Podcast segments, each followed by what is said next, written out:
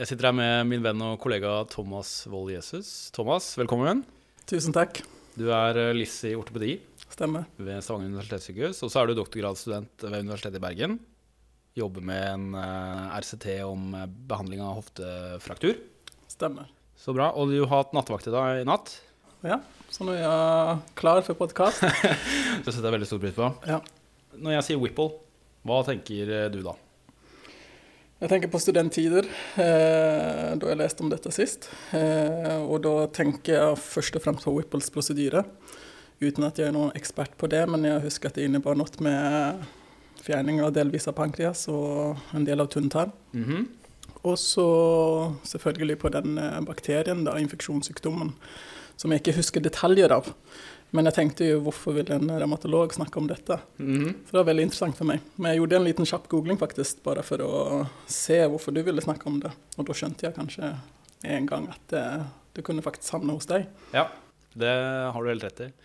Og eh, du er jo utrolig kunnskapsrik, Thomas, og det overrasker meg ikke at du husker om Whipples sykdom også fra studietiden. Men eh, det, er, eh, det er kult. Vi går i gang i dag eh, først med en kasustikk. Og så neste episode litt om patofysiologien. Og så den tredje og siste episoden blir mer om eh, symptomer, om utredning, diagnostikk og behandling av Whipples sykdom.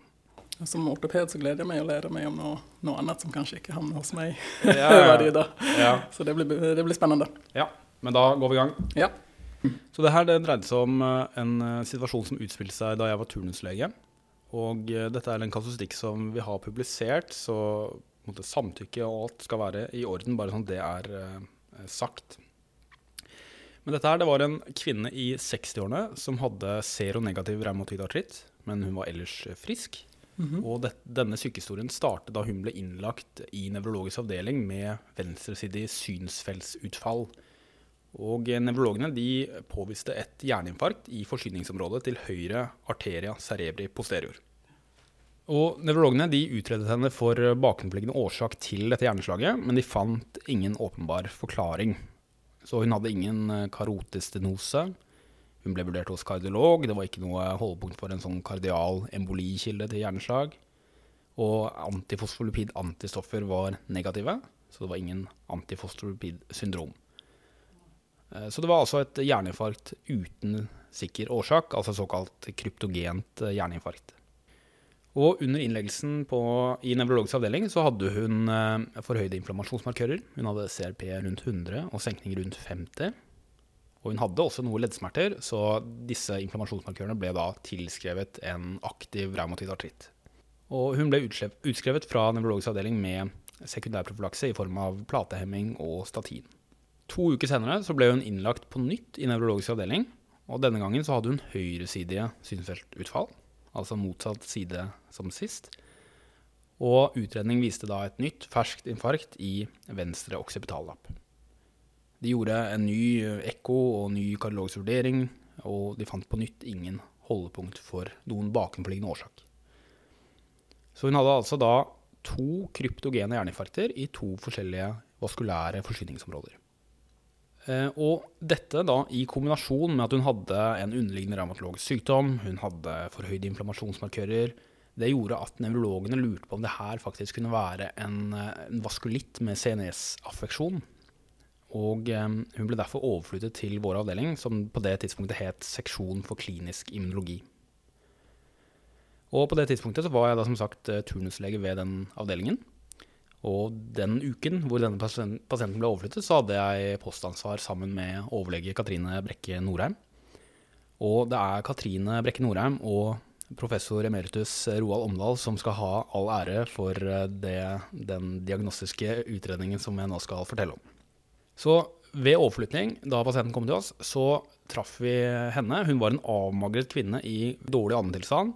Hun var fullt for sin revmatidartritt eh, ved et annet sykehus, så dette var vårt første møte med henne. Eh, Vi snakket litt om eh, hennes leddgiktsdiagnose, og det kom frem at den var stilt for over ti år siden. Og opp gjennom de årene så hadde hun prøvd en lang rekke med sånne DMARDs, altså immunsupprimerende medikamenter for leddgikt. Hun hadde for, forsøkt bl.a. metotrexat, eh, leflunomid og ulike TNF-hemmere. Eh, Men alle de medikamentene hadde blitt seponert eh, fordi de ikke hadde effekt, eller i mange tilfeller faktisk hadde forverret tilstanden hennes. Er det vanlig? Det er jo mange som ikke opplever tilstrekkelig effekt av enkelte medikamenter, men som regel så vil det være en viss bedring i hvert fall. Så selv om du er seronegativ, eh, har en seronegativ RA som diagnose, eller Ja. tiltenkt diagnose, så, så bør det ha en eller annen form av respons. Ja. Så de fleste av disse legemidlene vil jo ha tilsvarende god effekt ved seronegativ som seropositiv sykdom, kanskje med unntak av rituximab. Ja. Eh, Men selvfølgelig med enkelte variasjoner individuelt. da, sånn at Det er ikke alle som responderer på de samme medikamentene, men her var det i hvert fall forsøkt flere forskjellige typer med flere forskjellige virkningsmekanismer, og det var ingen av de som hadde hatt noe overbevisende god effekt. Nei. Så ved det aktuelle tidspunktet så, så var hun litt sånn in between medikamenter, og hun brukte da kun prednisolon monoterapi da i påvente av å prøve å komme i gang med noe annet enn den som hun hadde forsøkt. Det kom også frem i anamnesen at hun gjennom de siste årene hadde hatt vedvarende forhøyde inflammasjonsmarkører. Så hun hadde hatt CRP rundt 100 og senkning rundt 50 hele veien, egentlig. Selv i perioder hvor leddplagene var rimelig bra. Og hun beskrev eh, migrerende, intermitterende smerter i både små og store ledd.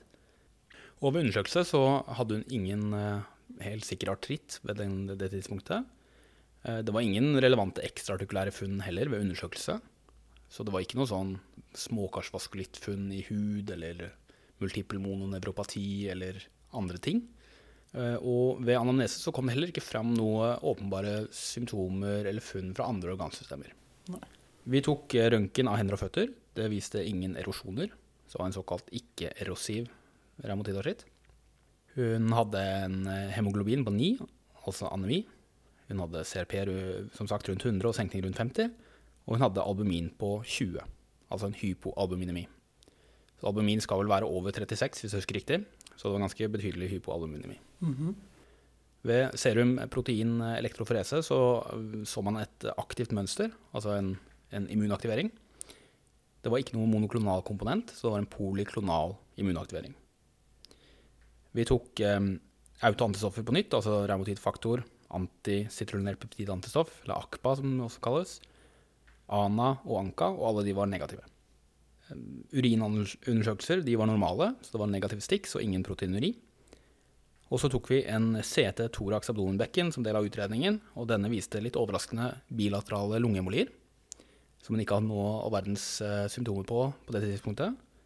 Og det var også sett forstørrede mesentrale lymfknuter, altså en mesentral lymfadenopati, men det var ikke noen andre uh, åpenbare funn ved denne undersøkelsen. Ville lungeemboliene styrke mistanken om vaskulitt? De fleste tilstander med systemisk inflammasjon innebærer en viss hyperkoagulabilitet. Sånn at det kan passe inn i en systemisk inflammatorisk sykdom å ha det.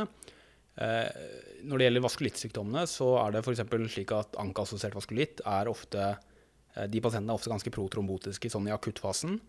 Og så er det også Betchets sykdom, som, eh, som har en særlig tendens til, til, til blodproppdannelse. Så du kan si at det, det var ikke uforenlig med en vaskulittilstand, men det var heller ikke superspesifikt og egentlig heller, da. Men dette var en pasient som hadde Hun hadde aktivt pågående systemisk inflammasjon, og hun hadde også vært eh, såpass dårlig den siste tiden at hun har vært mye sengeliggende, så um, kanskje også sånne mekanismer som er vel så sannsynlig. Ja.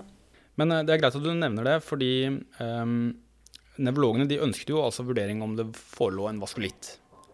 Eh, og spesifikt da en vaskulitt med CNS-affeksjon. Eh, Så kan vi bare snakke litt generelt om vaskulitt. eh, Fordi eh, vaskulitt kan jo deles inn i primære vaskulittsykdommer og sekundære vaskulittsykdommer. Og primære vaskulittsykdommer det er revmatologiske sykdommer hvor åreveggen er på en måte sykdommens primære angrepspunkt. Og disse sykdommene, altså de primære vaskulittsykdommene, de kan deles inn i noen hovedgrupper. Det er stor, storkarsvaskulitter. Det er vaskulitter som rammer middels store kar. Det er småkarsvaskulitter. Det er vaskulitter som rammer kar av variabel størrelse. Eh, og den siste gruppen er enorganvaskulitter, altså på engelsk single organ vasculitis. Så igjen, altså de primære vaskulittsykdommene. Stor, mellomstor, små, variabel og enorgan. Mens sekundær vaskulitt, eller sekundære vaskulittsykdommer, det, det, det begrepet brukes når en vaskulitt oppstår eh, som en manifestasjon av en annen revmatologisk sykdom, eh, f.eks. revmatidartritt eller bindevevssykdom. Altså eh, vaskulitt som oppstår ved en revmatologisk sykdom som ikke har åreveggen som sitt primære angrepspunkt, på en måte. Jeg forstår. Eh, Og sekundærvaskulitt kan også brukes som vaskulitt som oppstår som en manifestasjon av en ikke-revmatologisk inflammatorisk tilstand, som f.eks. infeksjoner eller malignitet. Og CNS-vaskulitt eh, kan i teorien oppstå ved mange ulike former for både primære og sekundære vaskulittsykdommer, men det er veldig sjeldent. Så for så kan det oppstå som en manifestasjon av de primære vaskulittsykdommene kjempecellartritt, polyarteritis nodosa, ankeassosiert vaskulitt, kryoglobulenisk vaskulitt og Betchets sykdom. Men det er som sagt relativt sjelden at vi ser det. Og eh, utredningen eh, hos denne pasienten viste ikke noe tegn til noen av de sykdommene. Så vi hadde ikke noe holdepunkt for at hun hadde en av disse primære vaskulittsykdommene. Hvordan eh, foregår diagnostisk eh, Altså det er diagnostiske prosedyrer for å finne ut av disse? Er det biopsier? eh? Det avhenger avhengig av hvilke grupper det dreier seg om, men f.eks. Storkarsvaskulitt eh, hos en person over 50 så vil det først og fremst dreie seg om kjempecellearteritt, altså det som før ble kalt temporalisarteritt. Og da, det vi gjør da, er jo ultralyd av temporalarterien og en eller annen form for bildediagnostikk av aorta. Eh, så det ble gjort i dette tilfellet. Vi gjorde ultralyd av temporalarteriene, som var normal. Og på CT, thorax, abdomen, bekken, så var det ikke noe tegn til aortitt. Eh, Vi gjorde også faktisk eh, temporalis-biopsi, som også var negativ. Når det gjelder disse andre, så vil man for mellom, altså de vaskulittene som rammer mellomstore kar, som i da all hovedsak er polyarteritis nodosa, så vil man først og fremst se etter tegn til affeksjon av mellomstore kar på CT. Nå ringer det bjeller. Ja. som er disse mikroanarismene, altså beads on the street, eller hva? Street? Ja, Nei, stemmer. hva er det dere har? Perlekjedeforandringer. Det var USM Lee sist, altså. Ja. Det, denne husker jeg. Ja. Mm. Eh, Og de kan også ha eh, blødninger fra rumperte anarismer i abdomen, f.eks. rundt nyrene. Og, og det hadde hun ingen tegn til. Også når det gjelder småkarsvaskelittene, så, eh, så ser vi jo etter tegn til småkarsaffeksjon klinisk, som er ting sånn som hudvaskelitt, altså petekker purpura. Det kan være mononeuritis multiplex, eller multiple mononevropati, som det nå egentlig heter, som er infarkter i vasa nervorum, og så får du nerveskade av det, typisk med droppfot og eventuelt sensoriske utfall i ulnaris f.eks. Altså at det er affeksjon av flere enkeltnerver, da. Flere navngitte nerver er på en måte skadet. En annen viktig manifestasjon av småkarsvaskelitt er jo glomerulnefritt, som vi vurderer med først urinundersøkelser og så eventuelt eh, nyrebiopsi hvis, hvis det er mistanke om det. Andre relevante manifestasjoner ved småkarsvaskelitt er jo f.eks. ved ankeassosiert vaskulitt at man ser etter forandringer i bihuler og lunger. Eh, Det hadde hun heller ingenting av. Og hun hadde jo negativ anka, som vil ses hos de fleste med ankeassosiert vaskelitt. Så generelt sett så hadde hun på en måte ingen åpenbare kliniske, radiologiske eh, eller immunserologiske tegn på at hun skulle ha en primær vaskulittsykdom. Og igjen så er på en måte CNS-vaskulitt en relativt sjelden manifestasjon ved de tilstandene. CNS-vaskulitt kan jo som sagt også oppstå som del av en sekundær vaskulitt. Eh, Så det kan være en manifestasjon av raumatid artritt. Da kalles det i så fall raumatid vaskulitt, eh, som er ekstremt sjelden i, i våre dager. Det kan også oppstå som del av en bindevevsykdom, altså f.eks. SLE. Så reumatidevaskulitt det er som sagt ekstremt sjelden. Og eh, jeg tror det er nesten ingen som ser det i dag med nåværende behandling. Men hvis det skjer, ser, så er det i praksis kun hos de seropositive pasientene. Altså de som har positiv revmatidfaktor og eller antisitrullinert peptidantistoff, ACPA. I tillegg så er det andre manifestasjoner som er mer typiske for revmatidvaskulitt enn CNS-affeksjon. Så disse personene har ofte da eh, vaskulittsår i hud, enten så petekker, purpura eller dypere illustrasjoner. ulcerasjoner. De har ofte da multiple mononevropati. De kan ha skleritt. eh, De kan ha andre småkarsvaskulittmanifestasjoner. Så vi tenkte at denne personen som har seronegativ revmatidartritt uten noe andre vaskulittmanifestasjoner, har ikke revmatidvaskulitt. Nei. Og hun hadde heller ingen holdpunkt for eh, SLE eller annen bindevevsykdom, og ANA var jo negativ. Det, det siste poenget er jo det at CNS-vaskulitt kan være en primær vaskulittsykdom med enorganaffeksjon. ikke sant? Denne siste gruppen av primærvaskulittsykdommer som vi snakket om. Eh, og, det, og det betyr jo at eh, vaskulitten er ikke sekundær til en annen tilstand, og vaskulittutbredelsen er begrenset til CNS. Og det kaller vi primary angiitis of CNS, PACNS, heter den tilstanden. En primær enorganvaskulitt i CNS. Og PACNS det er ekstremt sjelden. Det sies at det ofte en, gir en uh, subakutt presentasjon med hodepine og hjerneinfarkter i flere forsyningsområder. Uh, og siden tilstanden er begrenset til CNS, så har de ikke noen måte, ekstra nevrale manifestasjoner uh, som man ellers ser ved vaskulittsykdom. disse pasientene har vanligvis ingen allmennsymptomer, og inflammasjonsmarkørene er gjerne normale. Og vår pasient hadde jo veldig Hun hadde jo lang historikk med leddplager. Hun hadde dårlig ammetilstand og langvarig forhøyelse av CRP og senkning. Så PACNS ble vurdert som lite sannsynlig hos denne personen.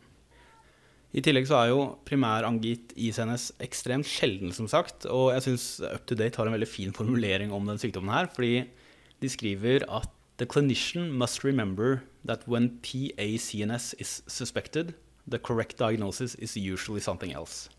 Som jeg syns er uh, veldig fin uh, og kanskje relevant for mange av de sykdommene som, uh, som, jeg er glad i. Ok, Så denne pasienten her, hun hadde langvarig systemisk inflammasjon. Hun hadde seronegativ revmatid artritt med intimiterende og ikke-erosiv artritt. Hun hadde i tillegg mesentral lymfadenopati, lungeembolier og uforklarlige hjerneslag i to forskjellige forsyningsområder. Årsaken var som sagt ikke entydig.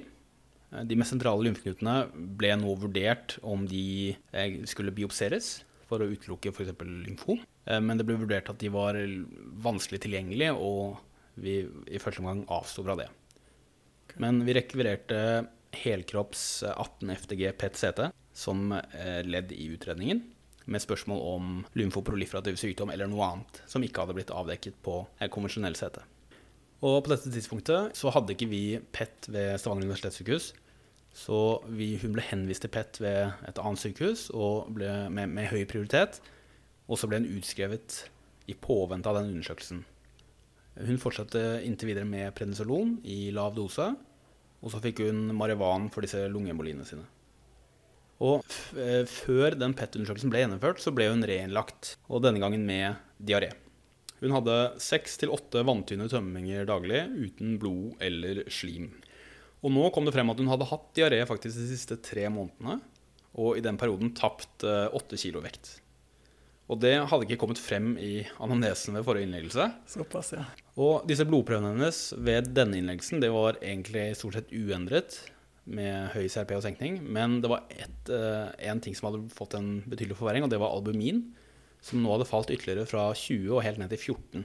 Så det var en veldig okay. uttalt uh, hypoalbuminemi.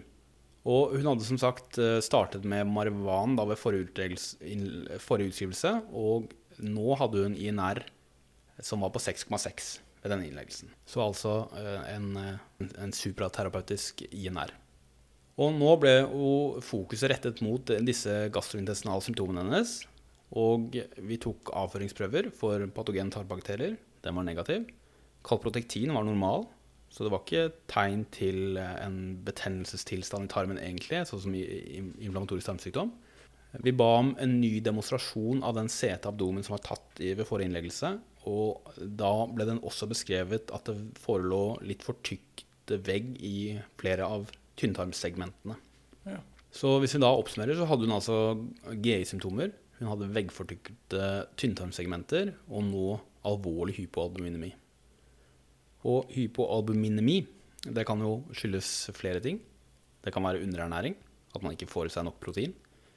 Det kan skyldes redusert produksjon av albumin i leveren, enten fordi levercellene er skadet, eller som en del av akutt fasereaksjonen, hvor da levercellene nedprioriterer albuminproduksjon til fordel for de positive akuttfaseproteinene som har viktige immunologiske funksjoner. Så det er jo forventet at albumin faller under en inflammasjonstilstand pga. det at det er en negativ akuttfasereaktant. Ja. Eh, alternativt så kan måte, albuminproduksjonen være normal, men det kan være et unormalt høyt tap av protein, enten gjennom urinen eller i tarmen. Og denne pasienten hadde godt eh, proteininntak, Eh, Hun hadde ingen leversykdom, og urinundersøkelsen avdekket ikke noe proteinuri. Og selv om hun hadde aktiv inflammasjon med kraftig forhøyde inflammasjonsmarkører, så syns vi at albuminnivået egentlig var litt lavere enn hva vi hadde forventet. Eh, Og det ble derfor ansett at hun trolig hadde en eller annen grad av tap av albumin i tarmen. Altså en proteintapende enteropati, som det kan kalles. Ja. Og mistanken om det, og malabsorpsjon i tarm, ble støttet av det faktum at hun hadde så utrolig høy INR kort tid etter oppstart med marihuan. Altså som altså kunne indikere at hun hadde en eller annen malabsorpsjonstilstand med K-vitaminmangel. Ja.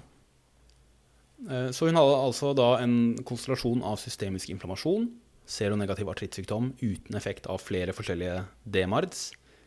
Hun hadde diaré, vekttap, mesentrial lymfadenopati, fortykkede tynntarmssegmenter og hypoalbuminemi med antatt proteintapende enteropati.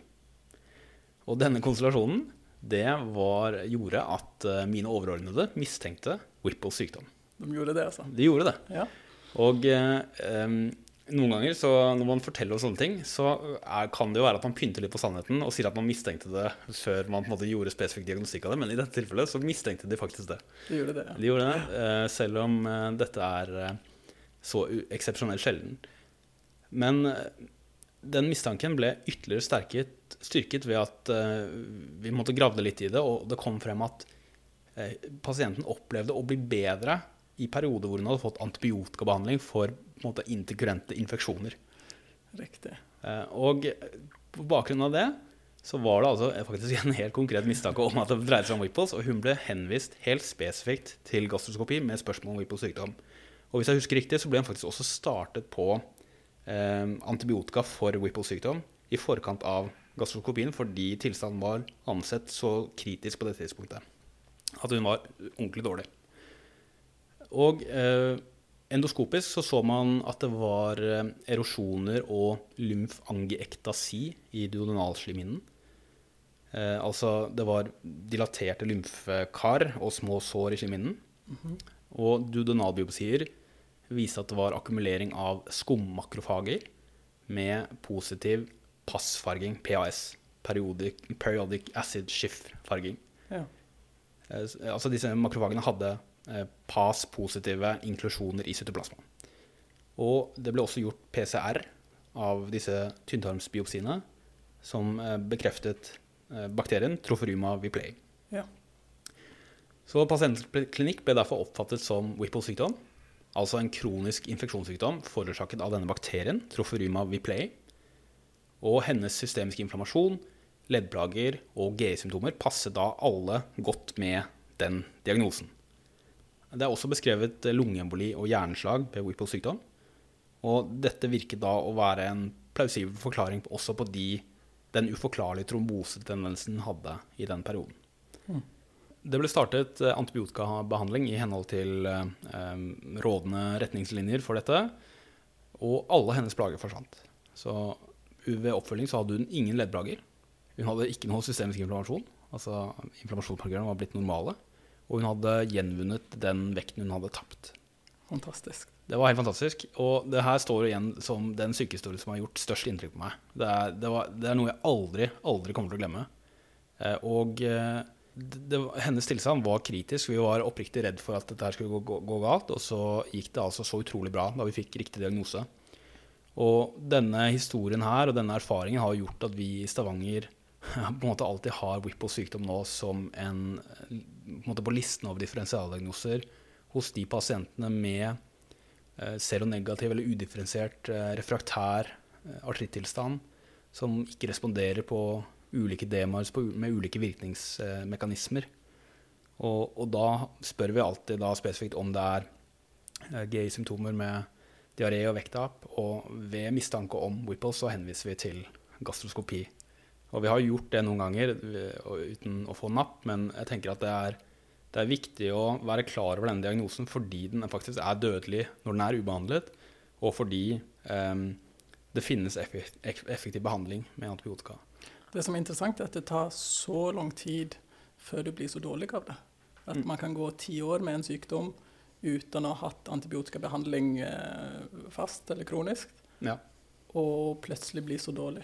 Ja, det er, Er helt sant. eh, er det bare manifestasjonene som en konsekvens av uh, bakterien som har ført til at hun ble så dårlig tilfeldigvis da? Eller uh, er det så at man ser i Whipple-sykdom at, eh, at det er etter x antall år som eh, disse potensielt eh, letale konsekvensene av bakterien eh, kommer fram?